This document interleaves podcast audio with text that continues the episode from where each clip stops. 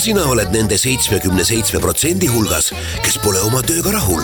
CV.ee aitab sind. suur töökuulutuste buum on jälle alanud ja nüüd on õige hetk end CV.ee keskkonnas nähtavaks teha.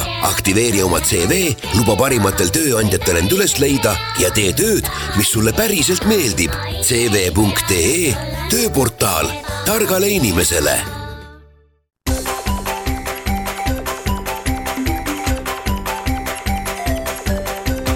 maksumaksja. Koostöös Eesti Maksumaksjate Liiduga.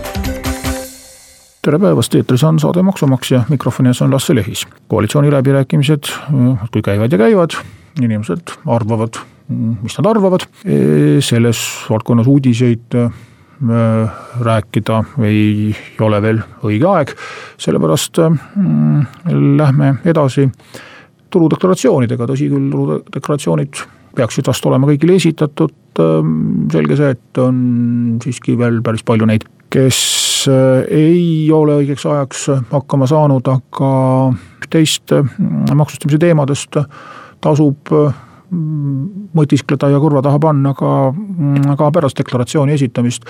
seda enam, et räägin täna mm, teemast, mis enamikul inimestel võib-olla üldse probleeme ei tekita ja kellel Mm, kokkupuude on, siis suhteliselt äh, harva, nimelt äh, selline tululiik nagu kasu vara võõrandamisest.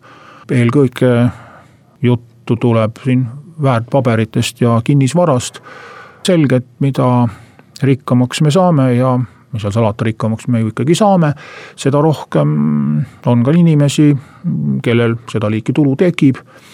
ja just võõrandamine on paraku jällegi selline mitte väga regulaarne tulu, mis tähendab, et mõnel võib-olla tuleb üks kord elus sedalaadi maksustamise probleemidega kokkupuudet ja mõnel võib-olla tihe, tihemini, aga üldiselt võib olla nii, et eelmise korra tarkusega ei ole enam midagi peale hakata, sest kas on seadused muutunud või ei ole see eelmine tehing päris samasugune olnud kui uus, mis tuleb.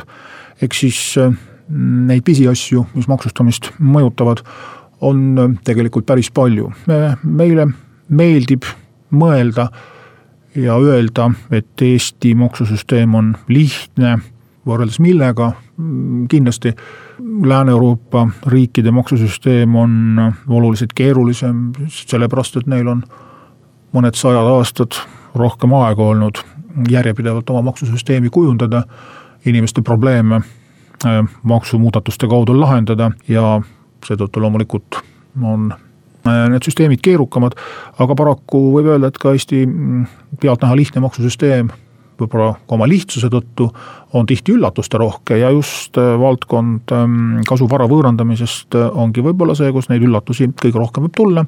et võibki öelda, et meie maksusüsteem on oma lihtsuses eelkõige või nii-öelda ideaalselt töötav äh, sellise inimese jaoks, kes teenib äh, regulaarseid sissetulekuid äh, ja selliseid jõnkse ei tule, eriti nüüd ka meie maksuvaba tulu reformi kontekstis, et iga kuu kindel summa kindlast kohast. ei ole mingisuguseid ettemaksmisi, mingisuguseid järgimaksmisi, ei ole dividende, ei ole väärtpaberite müüke, ei ole korteri üürimist ja, ja nii edasi iga selline mm, kõrvalekalle, kus tekivad suured ühekordsed tulud, tekitab suuri probleeme. aga mm, võtame esimese teemana siis väärtpaberite võõrandamise, väärtpaberid on mitmesuguseid, väärtpaberid on börsil kaubeldavad, on Eestis, on välismaal, on aktsiaid, on võlakirju, on kõikvõimalikke muid instrumente, väärtpaberi alla lähevad ka meie osaühingute osad näiteks, mida müüakse küll notariaalse lepinguga, aga oma olemuselt tulumaksuseaduse mõistes on samuti tegemist väärtpaberitega. Ja ütleme, tehnilise poole pealt sai ka eelmisel nädalal seda meelde tuletatud, et kui maksu- ja tolliametil on info Eesti väärtpaberiregistrist olemas selle kohta, et väärtpabereid on müüdud, siis müügihinna pool ootab deklaratsiooni sees, aga kindlasti tuleb sinna vastu panna siis ostuhind ja müügiga seotud kulud, mille kohta maksuametil infot ei ole. et siin ei saa nagu lasta ennast eksitada, et, et kui maksuamet on jätnud mingid lahtrid tühjaks, et siis nad justkui juba teavad, et, et see lahter ongi null. eks ta mõnikord ju ongi null, kui on tasuta saadud pärandina või, või, või, või kingitusena, siis variant on ju täitsa olemas. teine mõnevõrra tehniline probleem on see, et kui väärtpaberid, mis justkui tunduvad olevat siinsamas Eestis kaubeldavad, tegelikult on välismaal noteeritud, on näiteks kohalike pankade investeerimisfondid on registreeritud Rootsis või Luksemburgis, siis neid tuludeklaratsioonis näidatakse kui kasu välismaalt. Äh, ja, ja, ja kui osa väärtpaberid on Eestis, osa välismaal, siis äh, osad plussiga, osad miinusega, siis võib natukene segadusi äh, tekkida, tegelikult tuleks nad kokku panna, sellepärast et kui välismaal tulumaksu pole makstud, siis ei ole ka tegelikult otsest vajadust neid välismaa väärtpabereid kuidagi Eesti omadest eraldi hoida. aga nüüd viimaste aastate teema, kuum sõna on ju krüptorahad et ma ei tea, kui palju Eestis nüüd inimesi Bitcoinide ja muu, muu, muu sarnase kraamiga kauplemisest saadud tulu on deklareerinud, aga on teada, et siin on, on natukene hädas oldud. nimelt ei ole nagu päris täpselt teada, kas me kohaldame siis krüptorahale väärtpaberite reegleid või, või mingisuguseid muid reegleid, ütleme, et noh, tegemist on, on, on, on muud sorti tuluga. ja vahe on selles, et väärtpaberite kohta on kaks erisätet, mis muu vara kohta ei kehti, esiteks kahjumeid saab arvesse võtta. Ja teiseks on olemas reegel selle kohta, et kui on ostetud sama asja erineval ajahetkel erineva väärtusega või näiteks müüakse eh, siis osade kaupa ühte Bitcoini näiteks eh, murdosades, siis kuidas me jagame ära need nii-öelda tulude, sissetulekute ja väljaminekute tükid. väärtpaberite kohta on olemas, et saab valida kahe mm, põhimõtte vahel, niinimetatud FIFO põhimõte, ehk siis esimeses järjekorras müüakse maha see, mis on esimesena ostetud. või siis kaalutud keskmise meetod, kus siis äh, võetakse sisse ostetud vara äh, äh, nii-öelda keskmine ühiku hind ja kasutatakse müügil seda. et ilmselt paljud ka krüptoraha puhul võtavad sama reegli eeskujuks, aga kui nad ähm, ei taha seda teha, siis ega maksuamet ei saa ka sundida, et sama on ka näiteks kinnisvara müügil, kui ma ostan äh, suure maatüki ja hakkan seda väikeste juppidena müüma, siis tekib sama küsimus, et kas ma müün alguses soetusmaksumust ja kõige lõpus tekib kasum või ma jagan siis oma ostuhinna nende müüdavate tükkide vahel kuidagi võrdselt või, või, või mitte võrdselt ära, et siin seadus äh, vastust paraku ei anna. ja veel äh, üks märksõna väärtpaberite osas on investeerimiskonto, see on suhteliselt spetsiifiline ja selle kasutajate arv ei ole just ülemäära suur, sellepärast ma ei hakka sellest lähemalt ka rääkima. ütlen vaid seda, et äh, poliitikute poolt on tulnud äh, mõtteid ja igati minu arvates väärt mõtteid, et investeerimiskontot äh, tuleks rohkem võimaldada, tähendab neid piiranguid ära võtta, et eelkõige investeerimiskontot saab kasutada börsil noteeritud väärtpaberite ostmiseks ja müügiks. investeerimiskonto mõte lühidalt on selles, et kui ma ei võta raha isiklikku tarbimisse, ehk siis müün maha ühe väärtpaberi positsiooni, millest ma tekin, teenin kasumit, aga selle kasumi ma investeerin äh, uutesse väärtpaberitesse, et siis ma ei peaks sellelt kasumilt tulumaksu maksma, vaid ma tulumaksu maksan siis, kui raha investeerimiskontolt välja võetakse. ja veel üks äh, erisus väärtpaberite kohta, nimelt äh, Äh, füüsilisest isikust ettevõtjana ei ole võimalik väärtpaberitulu deklareerida. ja see tähendab, et ei saa ka maha arvata kulusid, mis ei ole seotud otseselt konkreetse tehinguga, ehk siis ma saan tehingutasud maha arvata, pangateenustasu, maakleritasu. aga ma ei saa näiteks väärtpaberikonto hooldustasu maksta, mis on siis mitte tehingupõhine, vaid iga kuu selle eest, et mul on lihtsalt see konto olemas. et äh, kui ma kasutan osaühingu, siis osaühingu ettevõtluseks võib see olla küll, nii et äh, kõvemad tegijad paraku on sunnitud nii tegema ja kõik on rahul. pärast väikest pausi jätkame kinnisvara teemadel.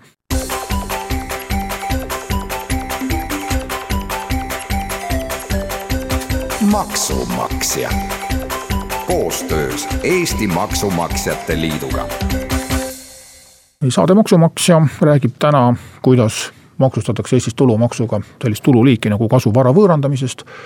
väärtpaberitest sai räägitud, kinnisvara on siis äh, järgmine paljusid inimesi puudutav teema ja kui väärtpaberite puhul noh võib öelda, et on tegemist siiski, siiski mingis mõttes asjatundjatega, ehk siis kes, kes väärtpaberitega kauplemise on, on, on nagu ette võtnud, see noh, ilmselt on ka maksustamise reeglitega ennast kurssi viinud, siis ähm, kinnisvaratehingud võivad tihti olla juhuslikud, saadakse pärandina kätte, kätte või siis äh, perekondlikel äh, põhjustel lapsed saavad suureks, kolivad ära, inimesed liidavad, lahutavad äh, vahetavad elukohti seoses töökoha vahetusega ja nii edasi, inimesed sünnivad, inimesed surevad. ja tekib ootamatult vajadus oma maja või korter rahaks teha üldiselt oleme harjunud sellega, et nii-öelda tavainimese jaoks, kes ei tegele kinnisvaraäriga, kinnisvaratehing on maksuvaba. on ta maksuvaba kahel mm, alusel tavaliselt, üks on siis elukohane kasutamine ja teine on omandireformi käigus tagastatud või erastamisväärtpaberite eest erastatud maja või korter ja, ja see võibki petlik olla, et jääb mulje, et, et ei olegi nagu tulumaksu peale vaja mõelda, aga tegelikult on, on küll ja just kui ei ole tegemist siis äh, tagastatud varaga, vaid on näiteks äh, kinkimise teel vanematelt, vanavanematelt saadud või pärandina saadud, siis äh, me peame arvestama, et selle vara soetamismaksumus on null noh, sinna tuleb pudi-padi juurde küll vormistustasud, aga, aga ostuhinda kui sellist ei ole. täpselt samamoodi, kui kellelgi on nüüd siin aedlinnas Tallinna kallimates piirkondades näiteks maja, mis on ostetud või ehitatud kaugel rubla ajal siis kümme tuhat rubla oli äh, kõva sõna aastal kaheksakümmend.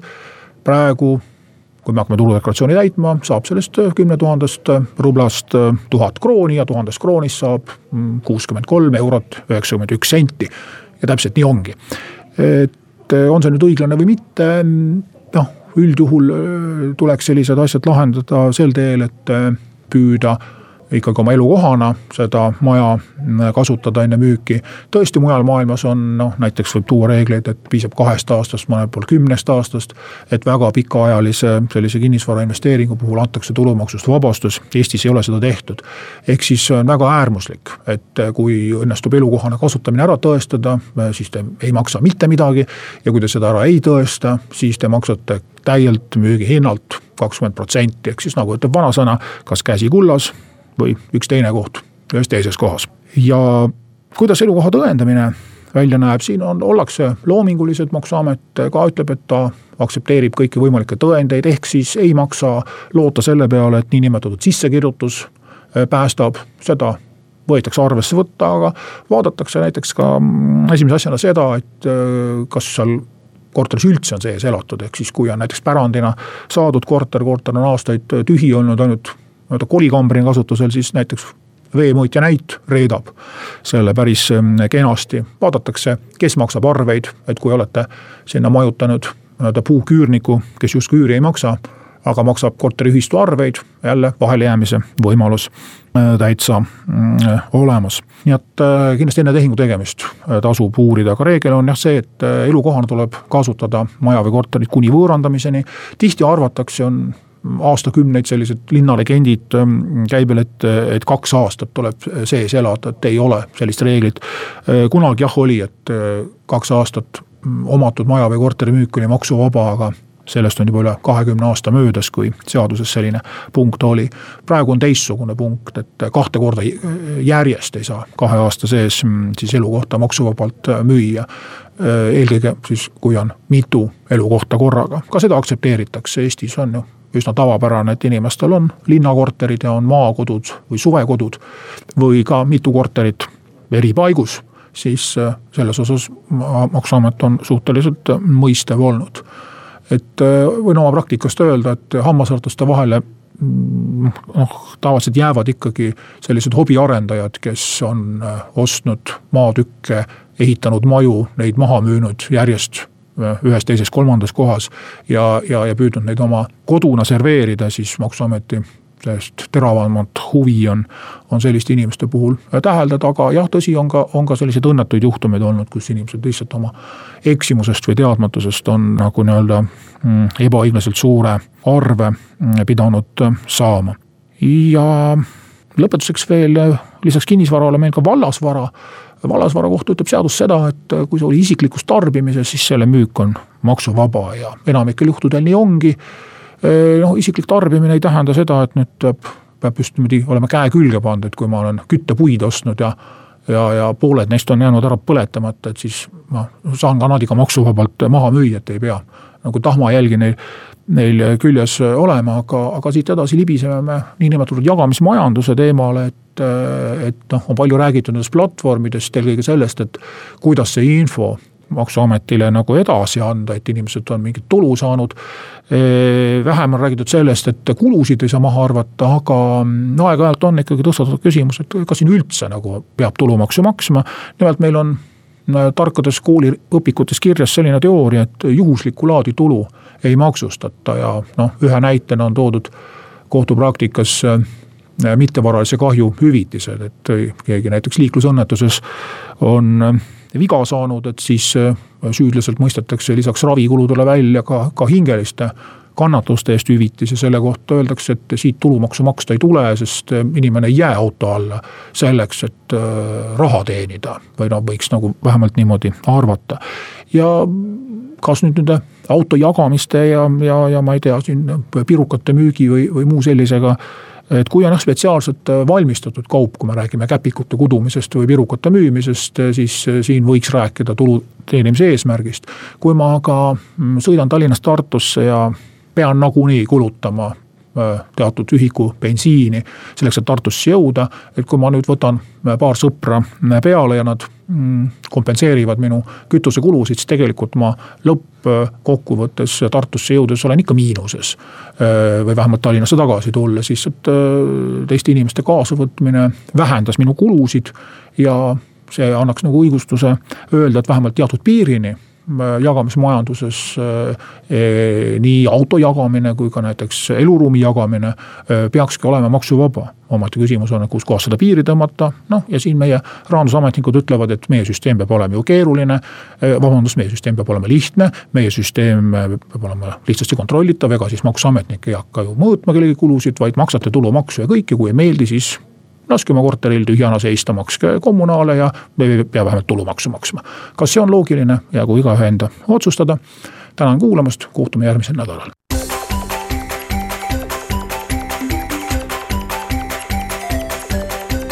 maksumaksja koostöös Eesti Maksumaksjate Liiduga